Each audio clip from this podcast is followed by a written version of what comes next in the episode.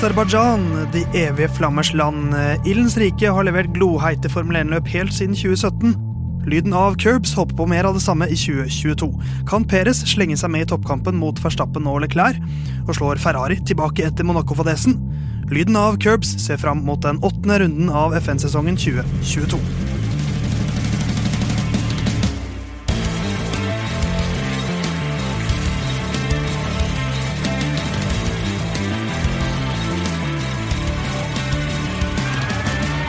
Lyden av Curbs er tilbake med den 15. episoden i rekken av Lyden av Curbs-episoder. Eh, Theis sitter fortsatt bak spak og klaff. Eh, Du skal straks få hilse på både Jon Halvdan og Herman. To flotte folk som sitter i studio her med meg. Men først skal jeg bare opplyse om at 15 ja, det er vår episode, og det er også antall år mellom Kimi Raikonens første og siste seier. Første kom i Malaysia i 03, han siste i USA i 2018. Det er også antall Grand Prix-seiere Jensen Button har. Og det er kanskje cap-størrelsen din, Herman. Jeg vet ikke, Du sitter i hvert fall her med Aston Martin-capsen på deg. Ja, eh, jeg prøver å gjøre det til en slags tradisjon. Ja. Eh, Holdt på å gå ut eh, uten caps, og så tenkte jeg nei, den her nyvaska Aston Martin-capsen fortsatt med svetterand fra Spania, den skal være med.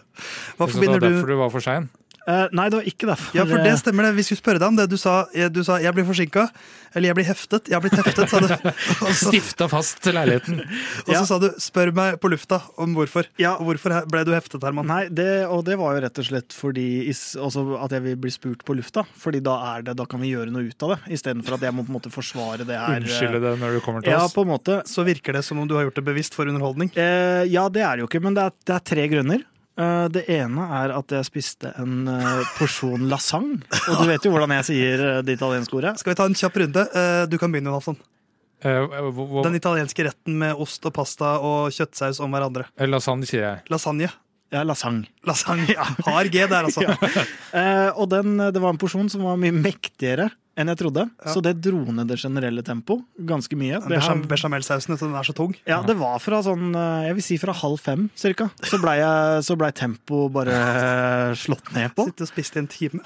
Ja, nei, altså jeg spiste ikke, men når jeg spiste, så gikk tempoet ned. Og Ja. konsekvensen av det begynte å inntreffe rundt halv fem. Så du så ut som en slange som hadde slukt en gnu, Ja, og skal ligge stille i to døgn og fordøye det. Ja.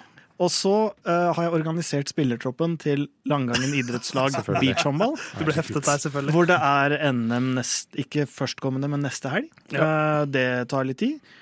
Og så prøvde jeg å dyrke min sekundære jobb som manager i Watford Football Club på Football Manager.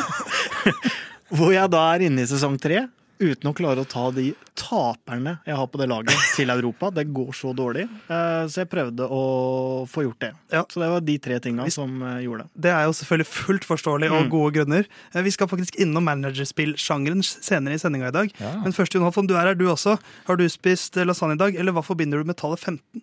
Eh, tallet 15, det er vel omtrent eh, så mange runder jeg kjørte per stint på gokartbanen i går, Ja, for det må vi eh, snakke om. to. Vi kjørte gokart i går for første gang. Ja, og i panelet her så er jeg dårligst, men jeg slo alle vikarene. Ja, det gjorde, det gjorde du faktisk. Ja. Klaus stilte ikke, da, men, Nei, han gjorde ikke det. men du, men du Du slo slo Ole. Eh, Men jeg er definitivt tyngst òg, Ja. så eh, jeg syns det er liksom helt eh, godkjent. Jeg kan nesten ikke løfte henda i dag, men det, er, det får jeg heller bare leve med. Ja, Men jeg tror ikke du tapte tre sekunder per runde på vekt. Det, Det må tror jeg. si. Det tror jeg. Nei, men For jeg er ikke noe lettvekter, jeg heller. Altså. Det skal vi kan, sies. vi kan jo si, si som sant er, Herman, at vi kjørte tre runder, du vant to av dem. Ja. Eh, jeg vant én, eh, og så merket jeg at dagen min i går, den hadde vært eh, Jeg må jo få inn det først, at jeg, jeg hadde en lang dag. Jeg jobbet hele dagen. eh, rakk knapt å spise fordi at jeg fant ut på morgenkvisten at shit, det er jo andre pinsedag. Ingen butikker er åpne, jeg har ikke noe mat hjemme. Nei, fordi takeaway og sånn, det fins ikke i Men Oslo. eh, Jon Halvdan, jeg hadde en liter med smoothie i kjøleskapet på jobb. Ja, det, Så jeg, jeg drakk den, kjøpte meg en skolebolle, og, spiste, og, det var det, og det var det jeg hadde som magegrunnlag da jeg kom til Harald Heusmann Karting. Det var en liter med smoothie, og så drakk jeg en halvliter cola der. Vant den andre runden og tenkte at nå skal jeg drepe Herman i tredje runden. Og da kjørte jeg Du kjørte fire runder. Jeg kjørte tre minutter, og så begynte jeg å merke at oi sann. Oi sann. Ja, for det, det, som nå, det som kommer nå, er jo på en måte både veldig morsomt, men også veldig trist. Ja, det var og, litt trist. Og, og det sier også at, At en tre, at 30 år gammel mann må, gå, må droppe ut av tredje stint For på gokartbanen fordi han må kaste opp. jeg måtte opp Han blir eh, bilsyk av sin egen kjøring. Ja, men, det, men igjen, som jeg sa til Herman før sending her Jeg, push, jeg, jeg klarte altså å bli nummer to i andre runde, i tredje runden, selv om jeg kjørte sånn fem runder. Eh, og det er sånn som laga legger merke til. Ja, Så nå, for jeg har et sånt iboende talent. Jeg trenger Ja. bare fire-fem runder. Så Men du valgte jo også en eh, tolvåring på ungdomsskolen sin lunsj eh, før du dro til Ja. legger litt Sunoda, rett og slett, Ja. over det du holdt på med der. ja, så det, jeg er der på rent talent, ikke på Ja. innsats. Så jeg Ja. tenker at innsats, det kan jeg få til. Men det var jo, du pusha meg jo òg, fordi du hadde den beste tida etter eh, andre stint. Så jeg måtte på en måte vinne og få en bedre tid enn deg i den tredje. Og det gjorde Eh, du. Ja, men det var jeg ganske sikker på at ikke jeg klarte. Jeg var veldig destruktiv i karten underveis, som jeg pleier å være under podkasten underveis òg. Men, eh, men eh, ja, jeg var svært fornøyd med det. Så med andre ord en hendelsesrik eh, økt hvor, eh, hvor det gikk fort rundt og opp eh, hos meg. Eh, Men vi skal eh, Vi får forlate vår egen toppidrett. Ja, jeg vil jo egentlig også bare høre om dere var overraska over hvor god vinner jeg var. Sympatisk Eh, vinner. Nei, for det vet jeg egentlig at i en sånn setting face to face med venner, så er du, en helt, du er et helt annet beist. Det kommer jo en million snaps etterpå. Ja, det er sant. Det er sant. Digitalt så er det verre. Digitalt, ja, for digitalt så fikk vi høre det, men, eh, og, på, og på lufta, da, men det, det får vi heller godta. Men eh, fra toppidrett til eh, for, mer toppidrett. Vi skal fokusere på Aserbajdsjans Grand Prix i dag. Um, vi skal tippe litt Ukens sjuking, vi skal prate litt om Dennis Hauger og Formel 2. Og så skal vi også gå gjennom våre favorittbaner på Formel 1-kalenderen, samt eh, sveipe innom dette nye FN Manager-spillet. Og så kanskje vi skal avslutte på en litt mer seriøs tone. Mer om det om ikke så veldig lenge.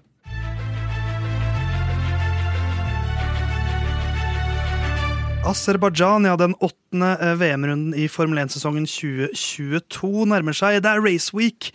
Og eh, Jon, eh, du, har jo, du er jo den best forberedte som regel til disse sendingene. Du har et eget notat på PC-en din hvor du har et sånn ikon for å separere hver, hvert løpsnotat fra hverandre. Ja, det er eh, riktig. Eh, I dag heter det nummer 15, skeiv fart i kvadraturen i Baku. Ikke så, Eh, Den er fin! Og det har jo da ikonet regnbueflagget. Ja, for det er Pride Month, og vi skal komme tilbake til det mot slutten av sendinga. Skal vi ta en litt mer seriøs prat om uh, kanskje noen problemer, ikke bare kanskje, men noen problemer knytta til uh, nettopp Baku uh, og det valgte ikon. Ja. Men vi får flytte oss videre til det sportslige, for det er en som du sier, kvadraturisk, barn, baneaktig variant. Ja, det er det. Hva, Eh, hva, hva karakteriserer eh, banen i Baku? Jo, det er eh, 6003 meter fordelt på 20 svinger. og I motsetning til Monaco så har ikke svingende navn, men eh, også som Monaco så har gatene navn. Eh, totalt så kjøres det 51 runder, som gir en løpslengde på rett over 306 km. Det er en kantete bane, om man kan kalle det det, med ni 9 av eh, 20 svinger som er 90-graderssvinger. Topphastighet opp mot 350 km eh, i timen på vei mot sving 1, eh, som er det mest tradisjonelle forbikjøringspunktet, men eh, de kan også vare inn mot sving 2 og avsluttes i sving 3. To DRS-soner, en på start målstrekke og en mellom sving 2 og 3. Banerekorden satt av Charles Leclerc i 2019 med rundetid på 1 minutt, 43 sekunder og 9 tusendeler. Og som en referanse, da, det er jo nye biler, så det er alltid sånn vanskelig å vite hvordan de ligger an eh, mot tidligere. Men eh, pole position i fjor, som også ble satt av Charles Leclerc, eh, var 1 minutt 41 sekunder og eh, 218 tusendeler. Eller to tideler, om du vil. En av de lengre banene, og det brukte du 74 sekunder på, Jon, så du var 14 sekunder over minuttet. Ah, Jeg tok ikke takk. tida. Um, Det var en av de lengre sånn eh, innledende Jeg hadde så mye, ting, hadde Ja. så mye ting å si her. Jeg falt av, jeg. Ja, det, selvfølgelig gjorde du det, Herman. Uh, men uh, vi kan jo uh, så Sånn ser banen ut. for øvrig, de kjører gjennom gamlebyen, som er enveiskjørt, og de kjører mot Ah, kjøreretning. ikke sant. Nei, det var bedre. Det likte jeg mye bedre. Ditt favorittstrekke i hele Formel 1-kalenderen, er det ikke det? Akkurat den gamle byen, Herman? Ja, for du pleier å rygge opp der, så du følger kjøreretning. I Digitalt så rygger jeg opp, ja. Ja. Det stemmer. Men eh, vi får satse på at eh, altså, eh, Charlie Clair har jo forsøkt seg på det et par ganger, og spinne rett før der. Men en, en spesiell bane som Den har ikke vært med så lenge, men den har satt sine spor i fjor. Det var et av de mest minneverdige løpene i fjor, egentlig, hvor Sergio Perez vant foran Fettel og Gasly på veldig overraskende vis etter at først var det vel Altså, det skjedde jo veldig mye gjennom det løpet. Charlie Clair hadde selvfølgelig pole position, han vinner jo aldri når han har pole. Um, men det var jo en uh, dekkontrovers også. Pirelli som hadde med litt for myke dekk, var det flere som mistenkte. Eh, Ja, hvor de- først uh, Lance Stroll sine dekk svikta, og så Max Verstappen. Ja, De nekta å ta på seg skyld, da, men uh, Stroll uh, uh, Punkteringa var jo et lite forvarsel til det som skulle skje med Max, som punkterte i 300 og noen kilometer i timen og kjørte inn i veggen. og Gikk ut og sparka i dekket, som er ty kanskje litt typisk Formel 1-førere. Ja, det syns jeg, jeg er godkjent. Men, men, så er det jo også en hendelse som flere husker. Det ble jo rød flagg. It's, it's, a marathon, not a sprint. Ja, og det var jo Det var jo en Det så veldig dumt ut da uh, Louis Hamilton feis rett ut i første sving der, uh, rett etter restarten. Men så var det jo en forklaring med denne break magic-knappen som de bruker til å varme opp uh, dekkene med på disse altså, introduksjonsrundene, som hadde poppa tilbake i på-posisjon ja. idet Hamilton gjorde seg klar til start. Så ja, man kan jo forstå at det skjedde. Ja, Breakmagic flytter eh, all eh, bremsekraft til fordekka.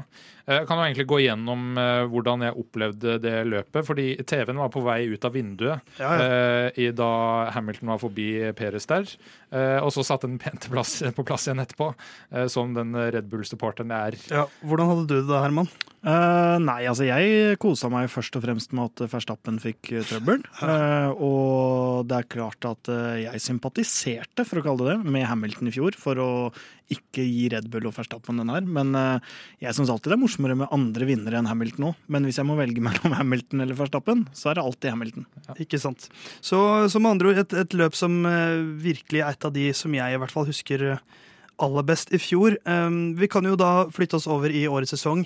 Ehm, det er det åttende løpet. Det kommer litt seinere i sesongen, så vi, det er litt mer etablert nå mm. hvordan det ligger an. Og der har vi jo Red Bull som eh, nå eh, er i førersetet, er mitt inntrykk. Ehm, de er vel kanskje i favorittrollen. Og på, et, eh, på, en bane, som du sier, Jon, der det forbikjøringstrekket eller for, mest vanlige forbikjøringspunktet er sving 1. Etter et veldig veldig, veldig langt målstrekke så er jo den toppfarten til Red Bull ganske farlig. Ja, men potensielt også Mercedes, da, ut fra hva man så før eh, Monaco. At eh, de hadde bra toppfart. Så... Jeg, tror de, jeg, tror ikke de, kommer til å være stuck bak noen biler uh, som sist. Nei. Men jeg tror ikke de kommer til å være der oppe med de to beste. Nei, jeg, jeg, kan fort se for meg, nå, ikke for å forskuttere spådommen, men at eh, Mercedes er eh, nærmere ja. toppen nå enn det de har vært. Ja, nei, de, noen av de uh, problemene som de hadde i Monaco, kommer de til å dra med seg inn her i Baku. Som Alonso sin enorme ræv? Ja, for, ikke, ikke, akkurat den. Han kommer men, til å finne, på, finne, en løsning på en eller annen måte. Men de hadde porpoising, not porpoising. Altså de drev ja. og hoppa i Monaco, men det var ikke porpoising. Og det er ikke usannsynlig at de drar med seg inn i de litt uh, lavere tempo Eh, svingene her eh, i, eh, i Aserbajdsjan. Men hvis, det er jo liksom to veier å gå her, da. Det er enten lite vinger eller mye vinger. Og det ene vil ta bedre vare på dekka, og det andre vil kanskje Iallfall gjøre det lettere å kjøre forbi, da. Uh, og jeg kan vel kanskje se for meg at det vil fordele seg litt mellom de to lagene. Ja, og så er det jo, uh, og så synes jeg, og så kan vi prate veldig mye om, om, det her, men jeg har lyst til å trekke fram en veldig sånn viktig faktor i, i, i Aserbajdsjan som jeg føler er viktigere her enn noen andre sted. at Her må du bare fullføre, oss. Mm. Og så kan det plutselig ende i toppen. fordi at det har eh, Sånn som Max Verstappen, han har eh, tre DNFs og en fjerdeplass i, eh, i Baku. Han har blitt påkjørt av Eller han har hatt en hendelse med sin lagkompis Daniel Ricardo her. Han har uh, fått et dekk som svikter. Altså det, det er, Hamilton, det Hamilton mista seieren her vel i 2018 fordi den uh, nakkestøtta uh, drev og sklei ut, så han måtte kjøre inn og fikse ja. den. Uh, han, han, vant i 2018, men Bottas vant året etter. Kanskje Ricardo ja, vant året før. Så ja, en av utgavene. Ja. Men, men, så det er jo en bane som er veldig uforutsigbar. så, vi, så jeg, altså det kommer jo til å skje noe. Det kommer til å skje et eller annet dritt som ødelegger det for et av topplagene. I hvert fall et par førere. Det viser jo den lille statistikken vi har herfra. Ja, og vi har jo kjørt den her digitalt. Det er jo i tillegg til kartinga mi på Harald Heusmann, eh, ikke deres, men eh, min eh, karting, så er jo det så nærme Formel 1 vi kommer. Ja. Sånn at det er, jo, det er jo noe man kan ta med seg fra det, og det er jo en utfordrende bane å kjøre. Særlig når man kommer, har kjørt bånn gass hele veien overalt, og så skal du inn i den der forferdelige gamle byen. For det, det er jo jeg, jo jeg, er jo den beste, ikke på Harald Heusmann karting, men i dette i den digitale sfæren. Og dere snakker mye om at jeg er så god i Monaco. Mm. Men det er Aserbajdsjan jeg har best statistikk fra, fordi at jeg bare kjører jevnt. Ja. Så det er det én bane som virkelig gir deg, altså, gir deg, tilbake for å bare holde deg unna trøbbel, så er det Baku. Uh, så det gjør at jeg, jeg, er litt sånn Vi kan snakke og snakke om Verstappen og Perez, og, men sånn som Charlie Clair, hvordan kan det gå bra for hans del? når det har vært så mye dritt så langt? Eh, Ja, nei, det er jo eh, ja, altså Marginene her er jo mye mindre. Det er um ikke på Jedda-nivå, syns jeg, fordi hastigheten er mye lavere i svingene. Men det er liksom så lite som skal til før du er i veggen, og iallfall ryker en vinge, om ikke fordekket også.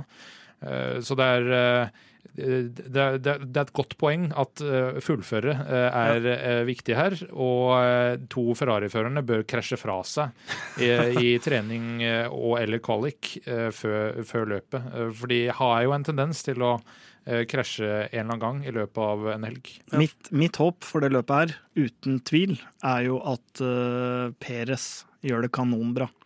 Fordi er det én ting jeg ønsker mer enn noe annet sånn den sesongen har blitt nå, så er det at Peres utfordrer Verstappen virkelig Ja, om tittelen. Det er det som er litt interessant her også. Det, det skal ikke veldig mye til for at Sergio Perez leder VM etter Baku. Nei. Han er 15 poeng bak Verstappen. Hvis han vinner, så holder det at Verstappen er, er nummer seks.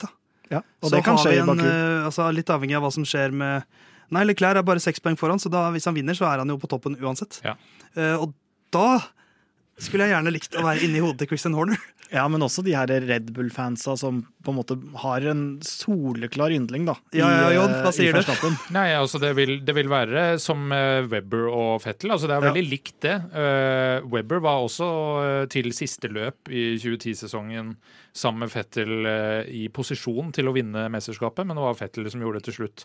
Og jeg tror over en sesong så vil Verstappen være bedre. sånn at det er ikke noe Jeg tror ikke det kommer til å bli en reell problemstilling over tid, men eh, Vi er sånn en som nå, da. tredjedel inn i sesongen, da. Det er ikke sånn at vi er liksom i startfasen. Ja, de er jo fortsatt 15 poeng mellom, da, hvor ja, er Verstappen har brutt to løp. Og det kan godt hende ja. selvfølgelig at, at, det er, at den vokser. Sannsynligheten er vel større Ja. for at den vokser, men det er ikke umulig. Ja, men og sånn som uh, her ja, Litt sånn Ja, det er, det er eh, lavere tempo og svinger, så kan godt hende at Perez har uh, Iallfall er tettere på her. Han vant i fjor, Eh, ja, og det er en padde som har passet ham ganske godt. ja, ja, absolutt. Eh, det var jo mer by default eh, Ja. i fjor. Det var på nippet òg, for den eh, Red Bullen Ja. var nære på å gi opp eh, siste runde. Sant. Men så kommer han også fra et Monaco eh, der han virket å ha veldig bra pace inne, må vi vel kunne si. Ja, og signerte Eh. en ny kontrakt. Og, så det er all grunn til å ha lave skuldre for Peres. Ja. Det hadde vært helt enormt. Så vi vet hva vi sikler etter. Vi skal se litt på resten av feltet ganske straks.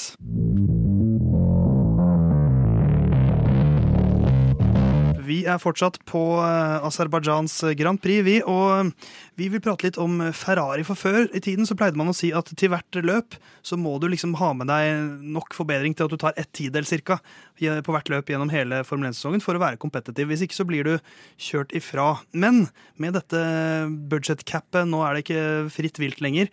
Nå må man tenke litt på pengene man bruker, så lagene kommer med litt mer sånn sporadiske eh, oppgraderinger. Man er litt mer låst i, den bilen man har.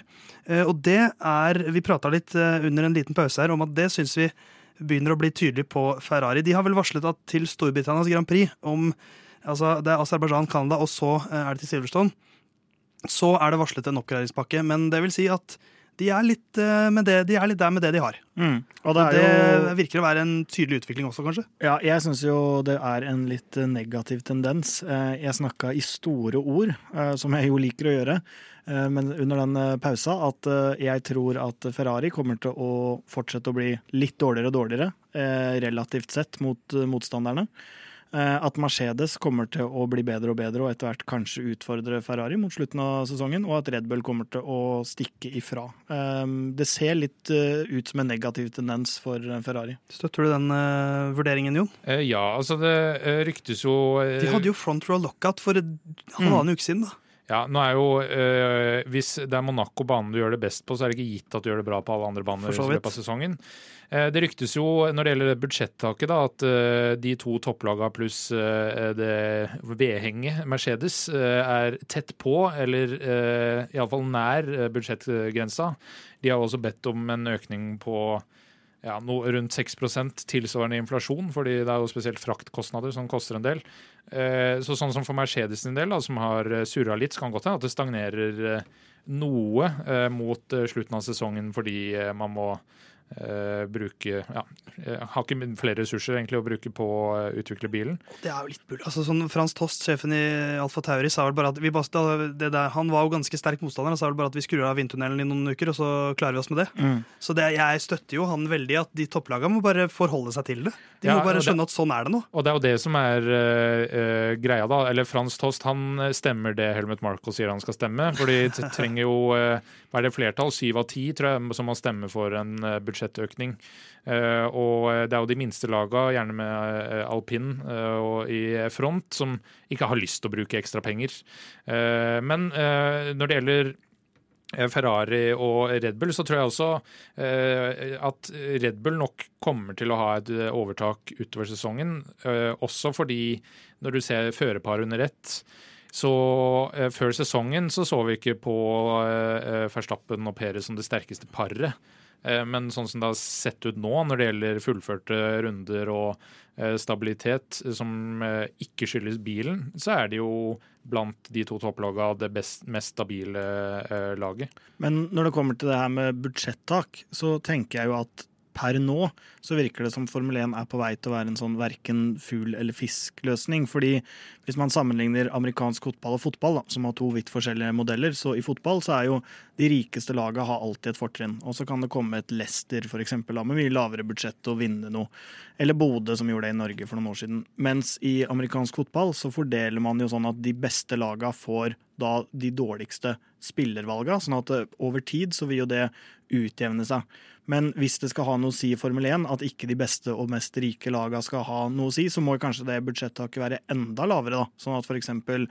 alpin eller noen av de andre mindre ressurssterke lagene faktisk kan tette det gapet. Fordi sånn det er akkurat nå, så hadde det nesten bare vært en Så hadde det vært kulere for sporten hvis Mercedes bare kunne dunke på, og så hadde vi tre tittelkandidater oppi der. Mens nå blir det jo på en måte verken Man er så låst i den bilen man starter sesongen med. Ja, altså, men det er jo planlagt en gradvis nedtrapping, da. Uh, altså, budsjettet som er nå, er for Ferrari og Mercedes halvering fra liksom to sesonger siden.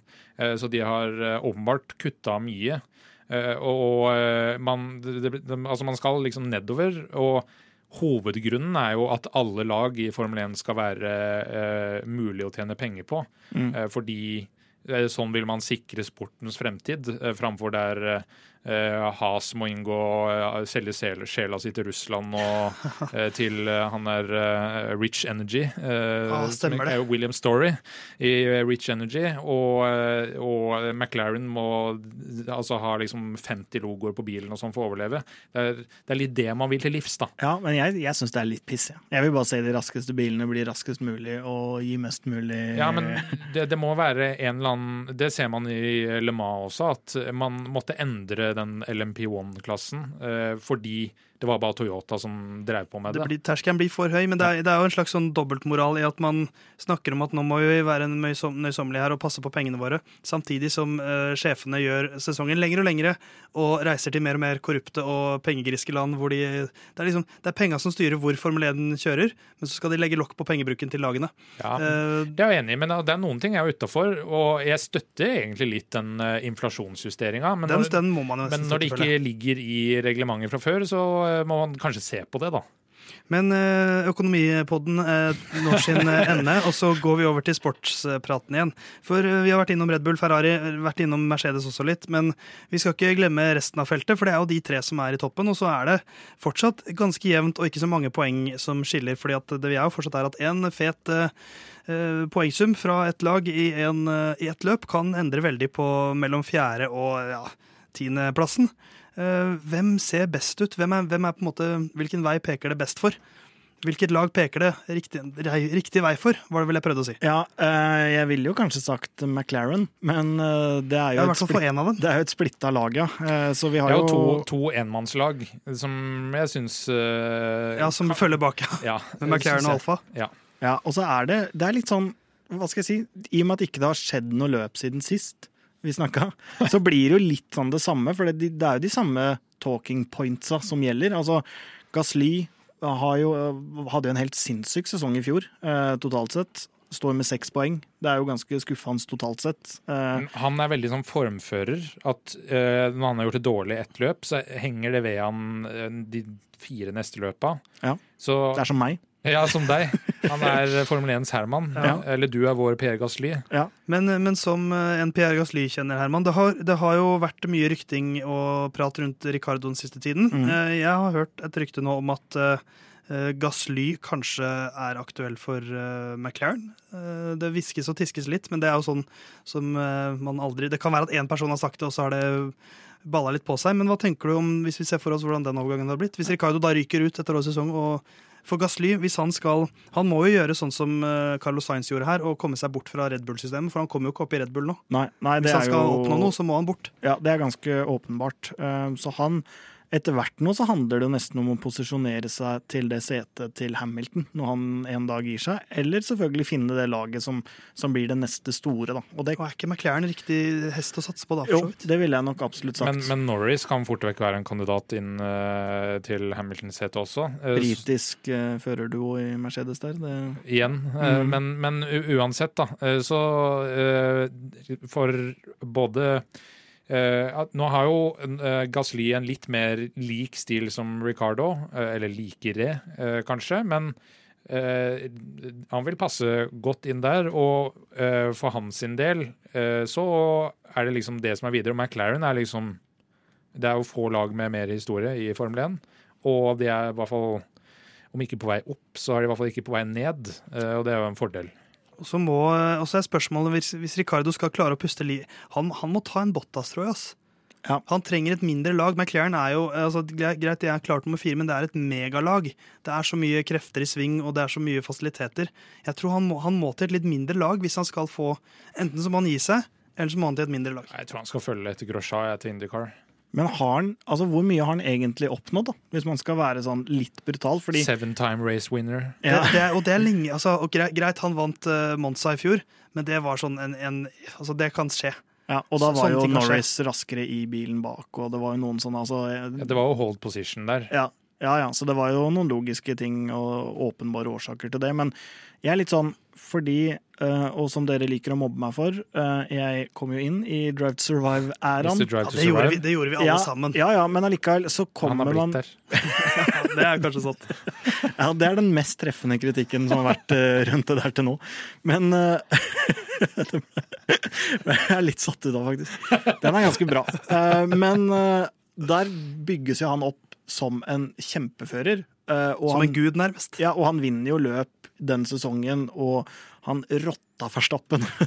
Driver og ødelegger for ham og krasjer inn og sånn, sett fra den sesongen sitt perspektiv, da.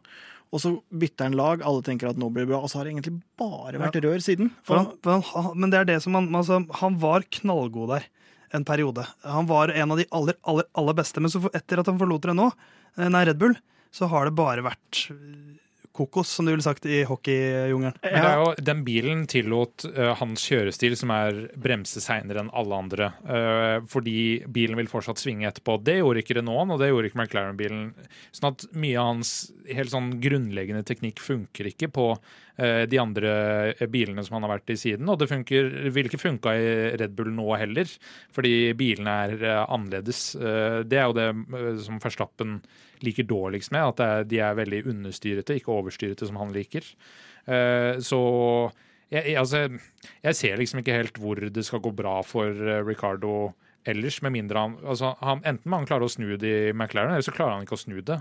Nei, også, Men sa ikke du også til meg eh, gjennom en nydelig runde Warzone at eh, han må si opp sjøl? At det er rykter om at det er Ja, altså De eh, mekanismene som han snakker om, men samtidig McLaren kan velge å kjøpe han ut. Ja. Ja, ja. eh, som ellers. altså Terminere kontrakten, betale ut året, men få inn en annen fører i 2023. mm, ja. Så eh, vi, det virker ikke som vi tror det skal snu for Ricardo. eh, men kommer det til å snu for ditt kjære Hasta, Herman? De har jo ikke skåret eh, poeng på tre løp nå. Nei, eh, jeg syns jo det så svært bra ut i Spania, eh, og så blei det rota til. Um, Det var sånn vintage has-rote til. ja, det var det. Jeg tipper, eh, jeg tipper greit med poeng på Magnussen i Baku. Um, det vil jeg tro. Mick er jo helt håpløs, selvfølgelig, så han tar jo ikke noen poeng.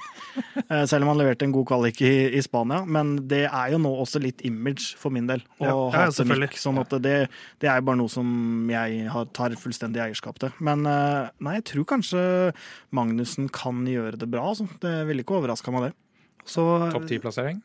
Ja, ja.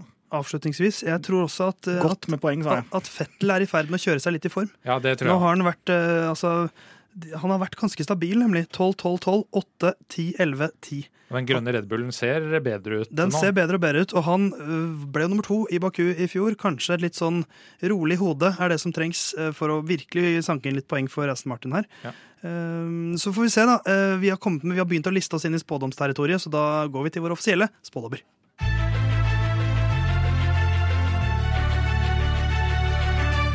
Da er det på tide å komme med våre offisielle tips i vår tippekonkurranse. Jeg kan oppsummere kjapt. Etter at jeg gjorde det sabla bra i eh, Monaco, endelig, endelig satt den for Theis. Ja, vi jubla for det sist, Theis. Ja, men jeg skal, juble litt, jeg skal juble litt til. Eh, Da traff jeg på at Sainz ble nummer to, og at Perez slo Verstappen, og Latifi slo Albon. Eh, da er jeg oppe i 21 poeng. Ganske imponerende. Gratulerer. Men ikke i forhold til deg, Johan Aftan, som har 29 poeng, eller deg, Herman, som har 35 poeng. Så jeg ligger fortsatt klart sist. 14 poeng bak Herman og 8 poeng bak Jon. Eh, Men Herman, da Mm. skal vi tippe topp tre Ja. og eh, ukens sjuking, hvor vi prøver å forutse én spesiell hendelse.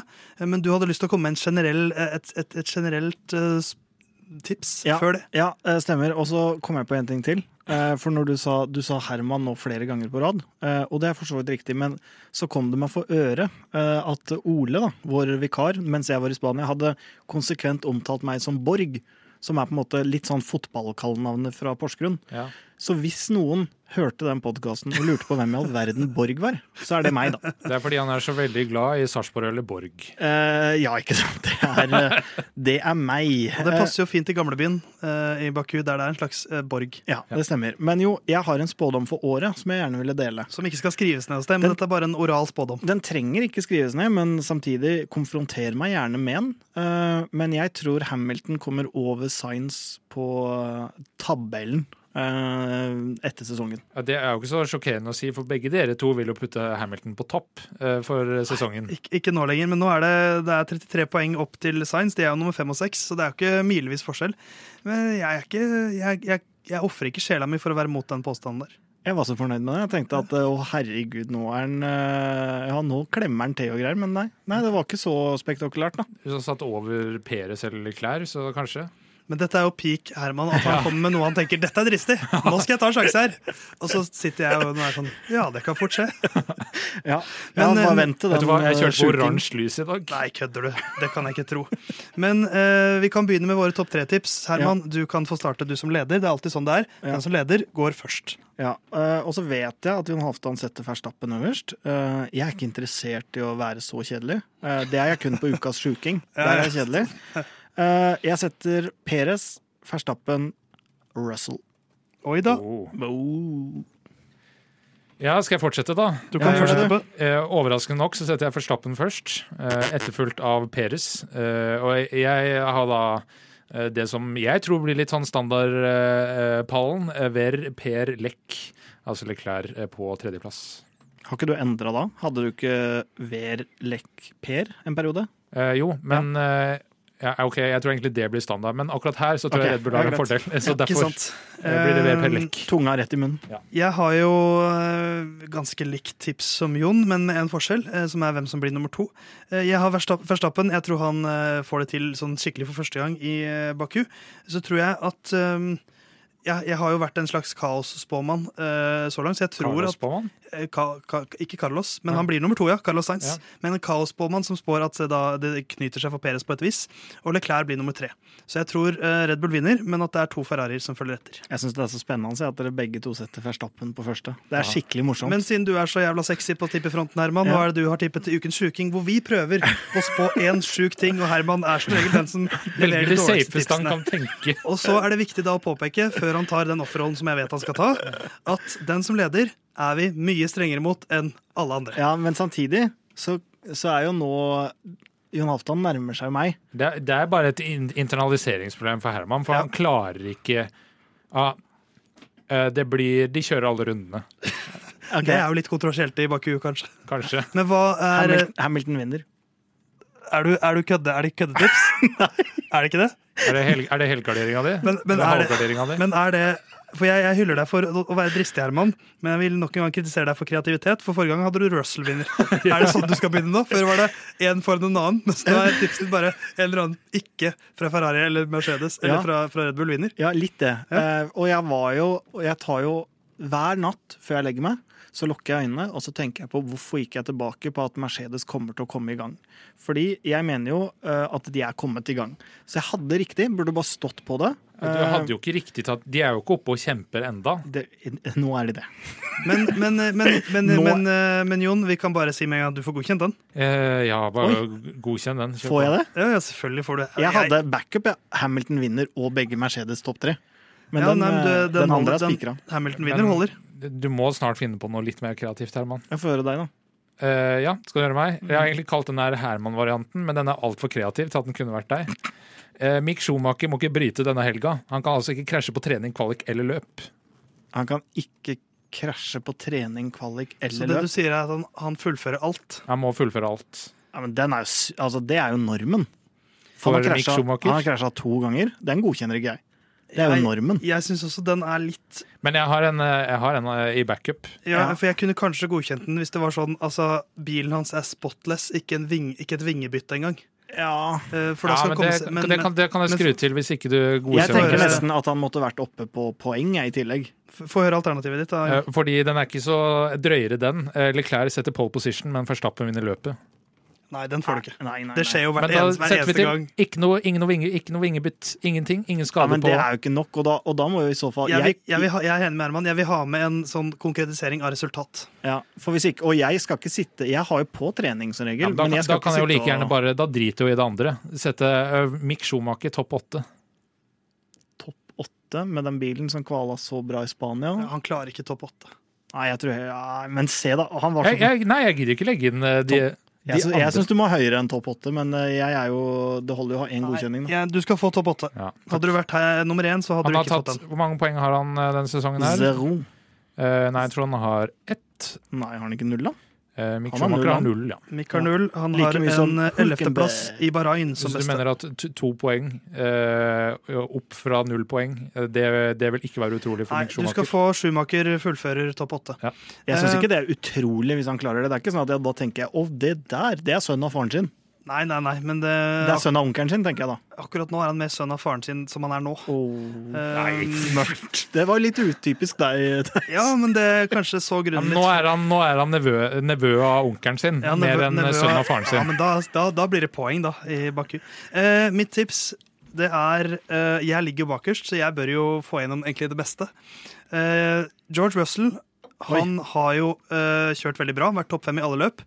Og en, um, Ole Røsvik, vår gode venn, eh, sendte da inn på, på Instagrammen Russell utenfor topp fem må jo skje en gang. Den kan du stjele, Theis. Og jeg, da, da han sendte inn det, så hadde jeg allerede skrevet ned mitt tips, som er Russell utenfor topp seks og bak Hamilton. Oh, det der ble, det ble så mye for, Ja, for den du, lille hjernen min. ikke de der Nei, det ble, så mye, det ble så mye for den lille hjernen min. jeg, altså Russell utenfor topp seks, og samtidig da eh, bak Hamilton. Men på, det jeg har lyst til å kritisere uavhengig av det, er eh, at du på en måte har stjålet et innspill fra en fra Ole, sånn som jeg prøvde å få kritikk for. han Hørte du hva jeg sa? først. At jeg hadde sk allerede skrevet det ned i eh, dokumentet da, Ja, da jeg leste det. Ole hadde sendt inn. Ja, ikke sant? Men igjen, jeg ligger sist, så hvis jeg får det godkjent av en av dere, så holder det uansett. Det gjør det uansett. Eh, Si det en gang til. George Russell eh, Utenfor- for jeg, jeg kunne ja. gått for utenfor topp fem, Ja. men jeg går for utenfor topp seks. Eh. For å skru det til litt. Og samtidig da, for å igjen gjøre det litt mer vanskelig for å få det til å gå i oppfølgelse, at han også må ende bak Louis Hamilton. Som han ikke virker å klare å få til i år. Det er derfor du tar stilling. Du får dobbeltstemme, Jonathan. Er det så vanskelig å forstå? Eh, Nei, nei jeg syns ikke det er vanskelig å forstå. Jeg bare lurer på Fordi det er jo tett på Altså Hvis det er utafor topp ti, da. Eh, altså null poeng. Den syns jeg er streng når jeg ligger sist. Hvor Eh, mange ja, poeng har du i sammendraget her? Jeg er åtte poeng. Jeg, jeg er lenger bak Jon Halvdan enn Jon Halvdan er bak deg. Ja, ok, Du skal få den. Ja, jeg er enig, faktisk. Jeg skjønte ikke noen, men du får den. For dere farges nok veldig at jeg fikk mange poeng forrige ja, uke, men Ja. jeg har et, også tippa elendig. Ja, Veldig men, lenge. men, men jeg skjønner ikke at du gidder å ha med den Hamilton. Det er jo for å gjøre det mitt litt mer interessant og litt mer imponerende hvis det klaffer. Ja, Litt mindre ikke- hermansk. Ja, For, fordi at da kan det jo hende at han er topp Hvis han er nummer, uh, nummer sju, da, og Hamilton er åtte, så ja. Da vil jeg endre min til at hva er det jeg sa, Hamilton vinner, Ja. og Latifi kommer utafor topp ti. Nei, vi, eh, vi sier det som det er. Vi har tippet Peres Verstappen Ja, og Verstappen som mener, vinnere. jeg mener at det ikke skal være dobbelt eh, Det bør liksom være et godt premiss, ikke sånn dobbeltgreier uh, framover. Men husker du ikke hvor imponerende det var det jeg traff med både Peres slår Verstappen samtidig som Latifi slår Albon? Ja, men hvis det har vært sånn eh, Og han kjørte forbi runde eh, 50 Jeg tenker jo at jo mer konkret, jo mer imponerende er det. Eh, Ja, men det er to ting. Men dette, eh, dette redaksjonsmøtet får vi ta av lufta. Eh, våre spådommer til ukens sjuking er altså at Hamilton vinner, at Schumacher fullfører topp åtte, og at Russell er utenfor topp seks, eh, og bak Hamilton, selv om da Herman ikke skjønner hva jeg nettopp sa der.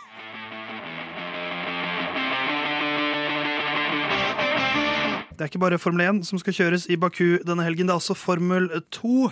eh, Og der har vi jo hatt en norsk opptur. Vi har vært eh, veldig kritiske mot eh, vår venn Dennis Hauger, men det ble en opptur med en seier i sprintløpet i Monaco, og også en sjuendeplass i hovedløpet, der Prema gikk for en litt dristig strategi, og det så ut til å bli en veldig fin konklusjon. Men så kom det en safety car, var det vel, og da ble det en sjuendeplass, som likevel var et OK resultat.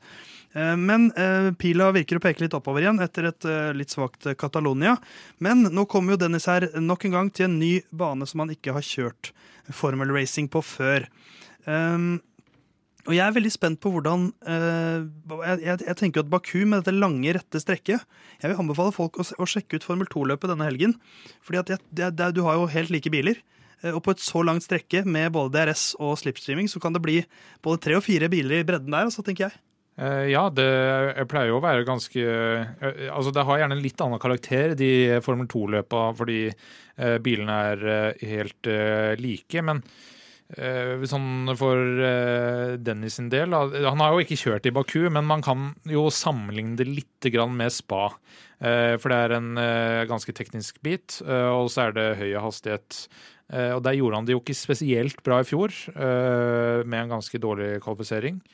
Eh, Så får vi se om eh, Altså, Prema har jo til nå ikke vært eh, det vi kan kalle kvalifiseringseksperter. Nei, og de har jo også bomma litt på taktikken, men jeg syns det virka som om ikke bare Dennis var bedre i, um, i Monaco, men også Jeg likte de strategiske grepene inn til hovedløpet, og jeg likte veldig mye av utviklingen der.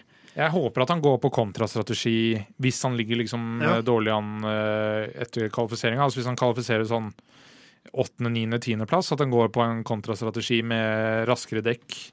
Altså motsatt av de andre laga, da, i det minste. Eh, For her er det jo eh, stor sannsynlighet for safety car og røde flagg, eh, men iallfall mulig å kjøre forbi. Hva tror du, Herman, om utviklingen? Nå, nå har han en dårlig helg i Catalonia, en veldig bra en i Monaco, men det var på en måte altså, En seier i sprintløpet, det er fint, det, men, men nå må vi jo heve lista igjen. Nå er det liksom hovedløpet. Det er der de feite poengsummene ligger. Ja, eh, og da handler det jo først og fremst om kvalik, egentlig. Å heve lista der, eller ha griseflaks på, på et eller annet. Det er jo egentlig fortsatt sånn at hvis han vinner, hvis han begynner å vinne og ta riktig så mye poeng, som jeg sier på svensk, så kan han jo faktisk fortsatt vinne F2. Han har jo nok løp igjen. Jeg sier ikke at jeg tror det. Optimisten Herman. Nei, men det er jo, det er jo litt Han er på en måte din Mercedes i Formel 2. At nå, det var forrige helg at, at hans eh, sesong starta. Nei, men det er jo greit å ha Altså, vi er jo norske. Ja. eh, og Ja, ja, vi som sitter her Du er og amerikansk, Herman. Ja, sant. Og de som hører på, jeg er faktisk kvartsvensk, men og de som hører på, er jo interessert i F2 på grunn av nordmann. Eh, eller fordi man er sinnssykt motorinteressert og glad i alt som går Jeg tror vi kan si flertallet er fordi eh, Ja, det er og, nordmann der. og da er jo det ganske relevant å vite om han faktisk kan vinne. Og det er jo, hvis han, hvis han begynner Altså, å kjøre matematisk er det jo mulig å vinne. ja, men Hvis han begynner å kjøre dritbra, så kan han fortsatt vinne. Altså Han må ikke vinne alle løp som er igjen heller. Nei, Og det syns jeg er litt interessant å gjøre. At det er litt morsommere å Men det forutsetter jo at skuddsikre Drugovic eh, slutter å være skuddsikker. Ja, og jeg, jeg, som jeg har sagt før også, at han er førsteårsbro. Det, tror jeg, det føler jeg sier hver gang. Fordi at det er viktig å ha med Ja, i ja, mente. Fordi at det er veldig uvanlig. Er det første sesongen hans i Formel 2? Jeg tror det er tredje, men det er veldig uvanlig å komme inn i Formel 2 og klinke til med en gang. Så at han har en seier, er jo et positivt tegn. Og så er det, jeg tror nok som du sier, Jon Drugovic, han er gone. Og jeg tror også Theo Porcher er eh, gone. Men, eh, men altså, topp fem er veldig innafor rekkevidde. Han har eh, 23 poeng opp til tredjeplassen. Og det er ikke mye i en Formel 2-sesong med mange poeng å kjempe om fortsatt. Og så handler det jo om å posisjonere seg inn mot uh, Formel 1-laga, hvis man kan da. Det er jo vel sånn at uh, i løpet av tre løp for Formel 1-laga i år, så skal alle de uh, slippe unge førere til. Um, det å f.eks. posisjonere seg mot å få gjøre det neste år, eksempel, gjør jo at han kan få et bedre utstillingsvindu. Kanskje han kan kjøre mer simulator for Red Bull, alle de tinga der som er litt sånn egentlig litt kjedelig, da, og kanskje ting man ikke mm, hører så mye om, og sånt, som er baki der, som er viktig. Så det er jo viktig at han begynner å gjøre det bra, men ja, jeg vet ikke helt heller om det har så mye å si at han ikke har kjørt i Baku. Det er jo litt forberedelser, da. Han hadde ikke det Monaco heller, si. Nei, og Hvis vi skal være positive, da, så er eh, Johan Hva er? Daruvala, eh, som er eh, best plasserte Red Bull-akademifører. Det er 23 poeng opp dit. Han ligger Mm. på tredjeplass. Eh, Så er det jo selvfølgelig noen imellom, eh, men eh, altså hvis han fullfører rundt der, da, så viser han at han iallfall for Red Bull sin del, da, at han mener iallfall alvor med Mm. at han vil være med på eh, sirkus eh, fra øverste hylle. Derulevala er da inne i sin tredje sesong i Formel 2. Så ja. Dennis har på en måte si, har jo alderen på sin side. Ja. Hvis eh, Dennis får kjøre tilsvarende lenge i Formel 2 som Daruvala, eh, så er vel det også da Peres sin kontrakt går ut med Red Bull. Eh, Så det er jo f.eks. å posisjonere seg inn mot eh, det, da, men gå rett inn i et Red Bull-settet, jeg vet ikke det heller. Men Det er eh, ikke aktuelt, men det er jo Alfa Tauri. Han må se på kontraktene der. eh, Og så får vi se altså, hva som skjer med Gasly nå, hvis han går til eh, McLaren, da. Eh, Så jeg sitter eh, Albon greit i det med Williams og kontraktstilknytning til Red Bull samtidig. Så eh, det er jo iallfall mulig for noen å ta Mm. steg opp, eh, men du må også ha nok eh, eh, sånn eh, lisenspoeng, da, eh, Ja. som eh, tilsvarer en Formel 2. det får han begynne å plukke nå sporenstriks. Bare begynne å, begynne å plukke seier i Baku, du Dennis, så skal i hvert fall vi følge med. Og det vil jeg anbefale deg hjemme å gjøre også. Mye bra racing og eh, et norsk S. Det er alltid gøy.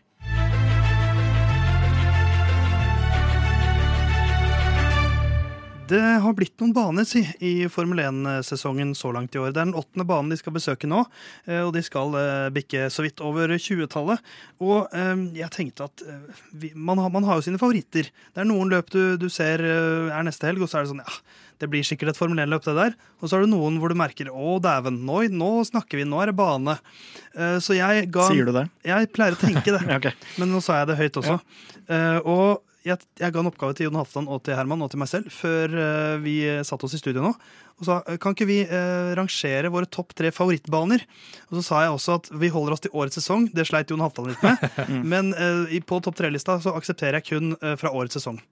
Vil du Eh, rangere hvem du tror er topp tre best forberedt til den oppgaven? Jeg vil arrangere Jon Halvdan på førsteplass, eh, meg på andreplass og deg på tredjeplass. Herman. Ja, jeg tror det stemmer. Ja. Så vi begynner eh, med tredjeplassen til alle, og så jobber vi oss oppover til vi alle vet hvilken favorittbane vi har på toppen. Eh, Kanskje eh, jeg skal begynne? Ja, kan ikke du begynne? Det var veldig svinesagt. Du skal begynne. Flere som har lyst til å kødde med stakkatopraten min. Jeg skal finne, finne Jeg- noen ut på gangen her. jeg. Jeg vil det. Ja, jeg kan, husk at jeg kan mute mikrofonen deres og prate så sakte jeg vil. Ja, sant. Eh, På tredjeplass så har jeg den banen vi har prata mest om i dag, nemlig Baku. Ja. Jeg er jo eh, jeg er veldig fan av den. Det, det er en sånn Mange løp så sitter du og ser etter kvalik, og så det- så vet du sånn cirka hvordan det går. Baku en av de som alltid er litt ekstra kaotiske. så, eh, så den er nummer tre for min del. Alltid et løp jeg gleder meg veldig til. Ja, så du gleder deg voldsomt til helga. Jeg gjør det. Stokker, stokker jeg fram. uh, jeg hiver meg på. Hvis du er så jævla rådig, Herman, hva er det du som er på tredjeplassen? Nei, Det er på en måte den åpenbare. Det er Bahrain. Det er Og det er litt Du eh, er på tredjeplassen din nå. Ja, det er litt fordi det er det Altså spillet. Ja, for jeg sa, det korrigerte jeg også i Ja. da jeg Ja, sendte meldingen. over. at, uh, ikke, ikke når vi kjører selv, men, Ja, men, uh, som vi, men, men det er klart det er umulig å ja, det er umulig å fjerne det helt fra minnet. Eh, og så har, jeg føler jeg ikke at jeg har nok empiri til å faktisk liksom kunne stokke meg ut baner. Fordi jeg har liksom ikke ja, hvordan det var i fjor, året før og, og nå, da. Det er, liksom, ja, det er litt tynt grunnlag. Eh, hvis man ser sånn som på Ja, for din favorittbane er vel episode tre av sesong to, er det ikke det? Artig, Per. Ta du, da. Ta du, du. Skal jeg ta? Ja. Ja, jeg, Så på defensiven vi er alle sammen nå. ja. tredjeplass, The Temple of Speed, Monza i Italia. Det er min eh, tredjeplass. Han er jo en tradisjonell type. Jeg liker eh, Ja, det er han. eh, Det er ikke jeg så opptatt av, eh, eh, tro det eller ei. Men eh, eh, jeg syns det er en eh, bane som kan by på god racing, og så har den også noen eh, tilfeller av eh, ja, mer eller mindre sjokkvinnere. Ja, Det kan være litt sånn eh, paradeløp der òg, men eh, tempo gjør liksom eh, Det var vel da. Verstappen parkerte oppe på Hamilton at Stemmer. den ble en favoritt for din del. Da han nesten knuste nakken hans og Ja, Ja. det var, det ble favoritten. eh, eh, og også da eh, Hamilton kjørte på rødt lys inn i pit. Det, det er de to favorittøyeblikkene.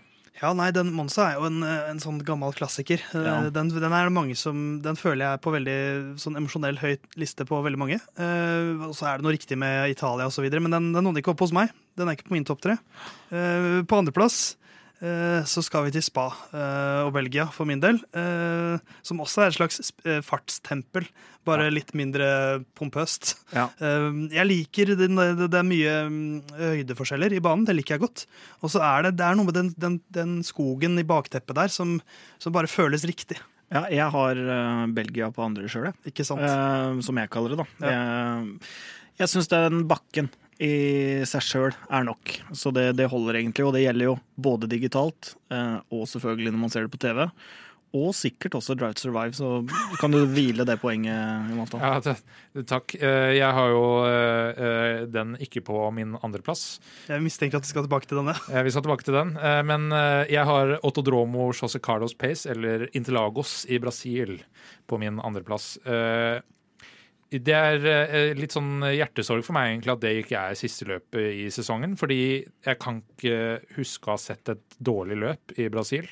Det er eh, alltid spennende, også eh, sist med de kontroversene som var tilknytta eh, for mye åpning på DRS-en eller ikke, men Hamilton som dundra gjennom feltet der. Tett, knallhard og tidvis over streken fighting. Men også tidligere to Ferrari-førere som krasjer i hverandre. Max Verstappen i 2016, som kjørte forbi alle han kunne kjøre forbi i regnvær. Så generelt en absolutt topp to-bane for meg. Det der var i hvert fall topp én pompøs levering av, eh, av banerangering. banerangering. vi, vi kan gå videre til topp én, for jeg har også Interlagos eh, på min liste, bare at jeg har den på toppen. Ja. Eh, det er noe Med da det er noe med da, og det våkner noe, noe sånn sportsromantisk i meg. Jeg er jo veldig svak for sånt. Eh, med, med liksom Arton Senna som, alt, som alltid liksom danner bakteppet for hele den brasilianske uka der. Og, og som du sier, jeg, jeg liker banen veldig godt. Jeg syns den flyter veldig fint. Også med en del sånn høydeforskjeller. Ja. Eh, veldig varierte svinger. Og en sånn god gammeldags racingbane som jeg syns alltid leverer. Og den sjarmerende fattigdommen som Ja, ja, ja. gir banen Nei, nei, men, men altså du, du bare er en gutt. Du skal være helt forsiktig, du bare er en gutt. Felipe Massa som tapte med ett poeng Ja. til Hamilton Er det Tibo Timo Glock som, som kjører sakte der? Ja. Så nei, jeg, jeg, altså det, vi, er jo, vi, er jo, vi er jo hyklere alle sammen, Ja. Herman. Som eh, snakker om eh, Jeg bare prøvde meg. Som, Og det er lov. Eh, Men selvfølgelig, det er jo en del av den, altså den virke, at den virkelige verden banker på også. Det kan jeg sette pris på. Ja, og, det, og, det jo, gjør, eh, og, det, og det er veldig tydelig også i Interlagos. At, Ja. For da er du så nær du kan, altså, I veldig mange av de problematiske landene så er jo liksom banene ligger jo i ingenmannsland, og det, du har ikke noe virkelighet. Nei, Men jeg liker også nærheten til virkeligheten, faktisk, her- her- som du har i Lagos. Her har jo crew også blitt rana på vei til banen, eh, eh, som jo ikke er eh, positivt på noen måte, men viser litt altså Det er ikke bare helt atskilt da, fra eh, fattigdommen. Fattigdommen prøver å ta del i Formel 1, det også. Og så er det noe med ja, Det er så mye Formel 1-historie der også, så, så Interlagos på toppen for min del. Eh, Du da, Herman? Jeg har Spania. Spania! Er det, ja, det- du, han har jo vært der. Mm. Da, Det, er, eh, det var no- no-brainer. den, den er jeg faktisk med på, Herman. Grandstand G. Max, max, max, super max, max. Jeg synger ikke igjen. Jeg har prøvd meg å synge en gang for mye. Ja. Det ble så langt til meg at det gikk over det minuttet jeg skulle oppsummere med. Men eh, nei, det var eh, fantastisk løp. Veldig god opplevelse. Den er eh, soleklar på toppen for min del. Jeg Spesielt hyller valget ditt. kollektivtrafikken. Ja, altså Hvis du kan håndtere den sånn som meg, Ja. så gikk det greit. Ja. Men, eh, Som vi sier, å jukse. men, på, ja, men på vegne av folket, jeg er jo en folkets mann, så var det grusom Og ydmyk. kollektivtrafikk. ja.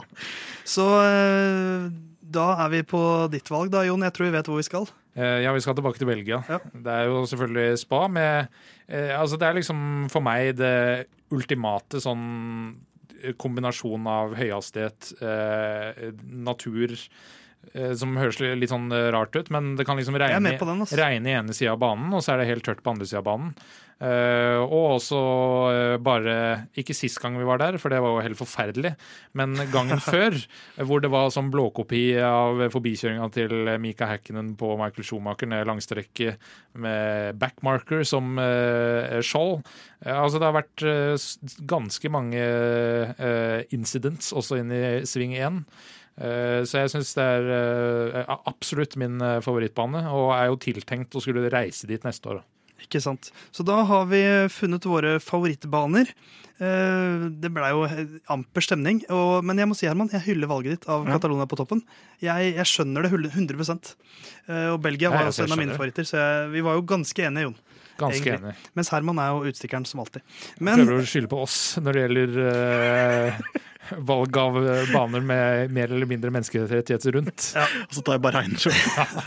så uh, fra en hyklersk greie til en annen si, uh, snart. Men først skal vi innom eh, F1 eh, Spill, som kommer i høst.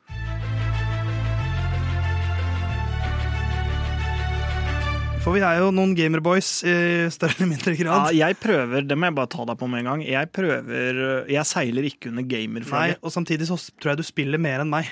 Ja, Eh, og men- jeg er en gamer en masse. Jeg spiller TV-spill, Ja. men jeg er ingen gamer. Du, Du er, du er en gamer. Det er vel ikke? Det er du vel. Dette skal ikke handle om Herman sine personlige benektelser. Dette skal handle om et nytt Formel 1-spill, for vi har jo spilt mye dette Formel 1 eh, vanlige spillet, hvor man kjører bil. Men det kommer et nytt, eh, en ny variant som har blitt sluppet litt mer informasjon om nå. Og vi er jo Formel 1-interesserte Ja. i det utvidede aspektet også. Da tar vi en liten bolk om F1 Manager 2022. Ja, Kanskje vi til og med skal slenge ved gameplay-lenke i shownotes. Oh, det er rått. Da kan vi bli et sånt program som begynner å gjøre sånt. Men eh, dette konseptet er jo da eh, slik at du ikke du kjører ikke bilene, men du er rett og slett Du kan være Toto Wolff eller Christian Horner eller uh, Frans Tost. ja. Jeg håpet at du skulle si Otmar Safnauer. din, din favoritt. Zack Brown. Ja, eller din favoritt, Herman, i Haas. Nei, det er min favoritt. Det er Zac Brown. Det er Zac Brown. Ja, så ikke prøv å kaste Så ikke han der i Steiner. Ikke prøv å kaste Men han er jo så rå i, i den Ja, er- Netflix-serien. Han er ikke ikke du- amerikansk. Nei, ikke sant. Og Zac Brown er ikke Team Principal. Men kan man være Lauren Lawrence Stroll? Kan man være Lawrence Stroll? Oh.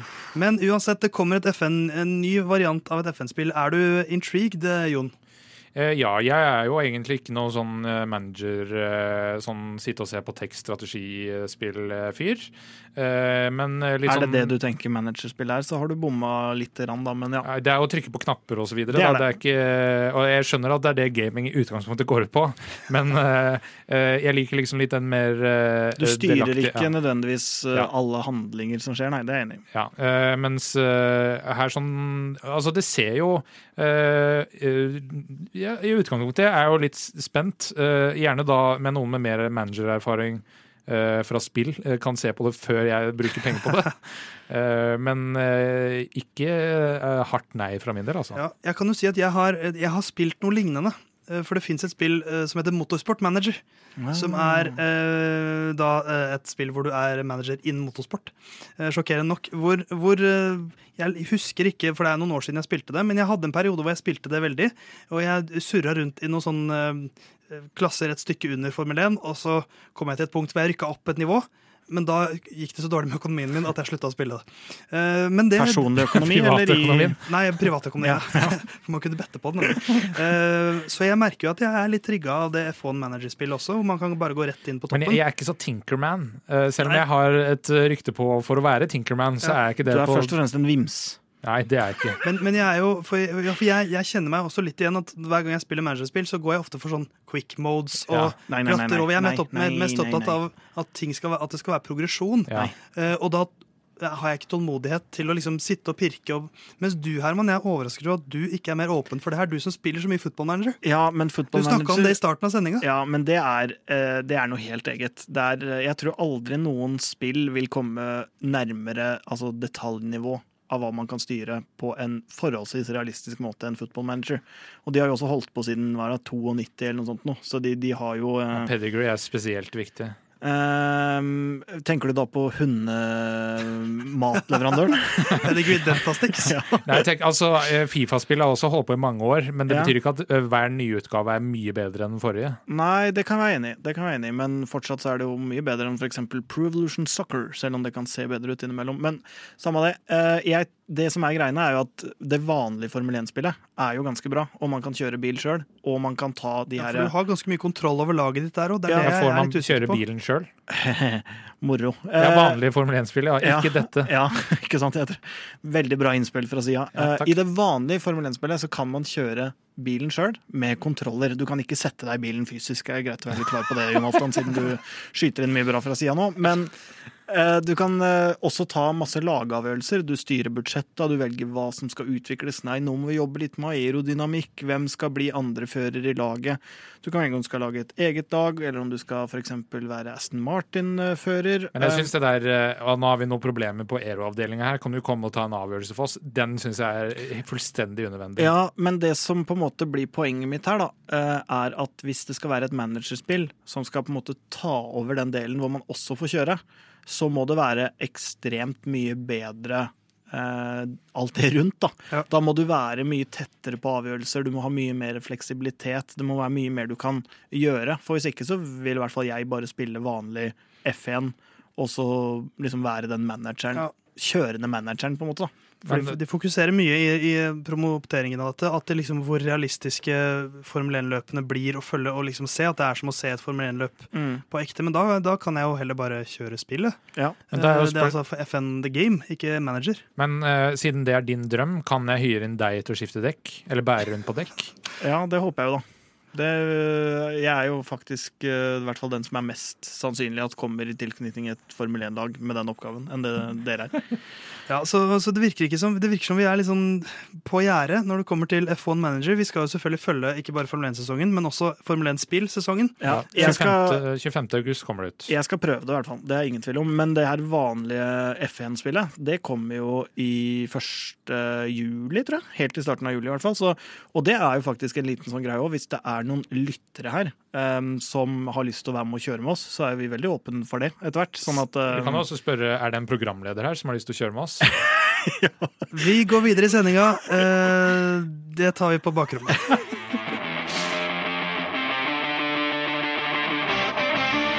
Eh, Dagens episode av Lyden av Curbs drar seg mot slutten. eh, Og for en gangs skyld så skal vi avslutte på en litt mer eh, seriøs og viktig eh, tone.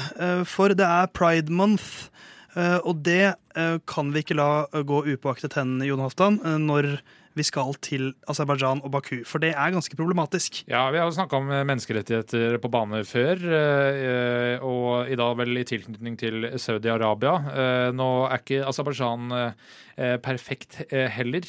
Ifølge Den internasjonale organisasjonen for homofiles rettigheter så rangerer de på en 49 av 49. plass blant europeiske land når det gjelder LHBT pluss-rettigheter. Bånd 1, rett og slett. Bånd 1. Ja. Eh, og det er eh, klassisk Formel 1 det, å dra uh, første løp i juni, som er Pride Month, da til en bane som ikke respekterer deres rettigheter overhodet. Og det er, det, det er jo litt sånn, sånn som å, å se eh, Aston Martin, som kommer med sine Altså Alle driver jo med det man vel kan kalle rainbow washing i denne måneden. her. Alle bedrifter er plutselig veldig opptatt av alles rettigheter. Det hjelper liksom ikke så mye da, når eh, Aramco er hovedsponsor både til eh, Formel 1 generelt og eh, også Aston Martin, ja. i et land hvor seksuelle aktiviteter mellom eh, personer av samme kjønn er forbudt. Ja, eh, så det, det, det, jeg syns alltid sånn som det her er vanskelig å forholde seg til. Det er sånn som når, når eh, det går eh, Formel 1-løp i vanskelige, i problematiske land også, eh, av litt av de samme årsakene, men nå er det veldig tydelig eh, i pride-måneden, og vi skal til et land som Aserbajdsjan. Hvordan, eh, hvordan forholder du deg til det her, Herman? Det er jo litt som jeg sa med det her eh, mer storpolitiske og menneskerettigheter og sånn. Det er Jeg vil ikke anbefale oss som seere å da liksom ikke se det osv., fordi det er en avgjørelse som ligger mye nærmere toppen, men at det er en ting som redegjøres for, på en måte, og at man snakker om det, og at, at man har det oppe i en uh, mer sånn dagligdags tone, enten vi gjør det her, eller man sitter noen kompiser og ser på løpet sammen, eller hva som helst, det tenker jeg jo er veldig, veldig viktig, for det er jo håpløst at vi har kommet så langt på så mange punkter, men altså ikke de rettighetene skal være Ja. elementære i alle land. Så, men jeg syns det er vanskelig å liksom begynne å det der boikott-greiene, enten av fotball-VM eller hva som helst. Det jeg syns, som jeg sa den gang, vi jobber og er, sliter eh, ja. og la oss kose oss med det vi syns er gøy, men eh, i den grad vi kan påvirke og snakke om det og være negative til det, det er åpenbart for min del. Og så er det jo det er jo stjernene som vi ser opp til og som vi syns er de kule. Det er de som er grunne, og det er jo ingen tvil om at der er det fornuftige mennesker. Vi ser jo hvor uh, uttalt Louis Hamilton er. Han vant vel både Qatar og Saudi-Arabias Grand Prix med regnbuehjelmen sin. Mm. burde vunnet Abu Dhabis Grand Prix også med regnbuehjelmen sin. Som er, på en måte, uh, som er, på litt, som er litt sånn det, Og jeg syns jo det er vakkert i seg selv at disse største stjernene bruker plattformen sin. Sebastian Fettel også har vært litt mer sånn low-key, men også veldig tydelig uh, i han, hvor han står. Uh, Eh, Så det syns jeg man altså, Fokuser på det også. At eh, de største profilene og de som faktisk holder på med det her, eh, de støtter ikke nødvendigvis eh, det landet de kjører i. Nei, altså, det er jo altså, så enkle ting som man jo kan gjøre. For jeg støtter jo Herman at eh, jeg syns man skal se på det. Det er, eh, som jeg sa også eh, sist, eh, Formel 1 er liksom en hel historie, sesongen sett under ett, og liksom skulle gå, gå, gå glipp av kapitler. Uh, syns jeg ikke at man skal gjøre. Men hvis du twitrer, da, så sleng på en eller annen hashtag som uh, kan provosere litt i de landa, uh, syns jeg absolutt at Ja. Eh, man skal gjøre. Hyll Louis Hamilton eller eh, Sebastian Fettel eller hvem det ellers måtte være i sosiale medier eh, som tar et eh, standpunkt. Og så er det jo litt sånn, hvis man, hvis man tenker at det her er noe man ikke har lyst til å se løpet for, så tenker jeg også det er like greit. på en Ja. måte. Eh, Men, men jeg vil ikke liksom anbefale folk som syns det er problematisk å boikotte sånne ting som det er, for vi er enkle TV-seere. Vi, sånn som jeg da, som ser det på Viaplay, det er til syvende og sist hvor mange som abonnerer på Viaplay Sport, som styrer rettighetene for Norge. Og hvis jeg ser alle løp unntatt fire-fem som jeg syns er problematiske, så utgjør det dessverre ingen forskjell. Da er det viktigere å ta stilling til det, se hvordan det er, eh, prate om det og være negativ til det. Det er, det er den lille forskjellen vi kan gjøre. Ja, og så syns jeg Ha det liksom framme i bevisstheten. Da. Altså, dette er et land med ræva rettigheter. Der journalister eh, og advokater og andre blir torturert, eh, ifølge Human Rights Watch også, i Aserbajdsjan. Så det er liksom Bare la det være allmenn kjent at dette er et ræva land. eh, og så eh, eh, men nyt løpet, syns jeg. Nyt løpet og kos deg med Aserbajdsjans Grand Prix, men husk at det fins viktigere ting i verden. Lyden av Curbs er tilbake etter helgen med en ny oppsummering da, av et nytt løp. God helg!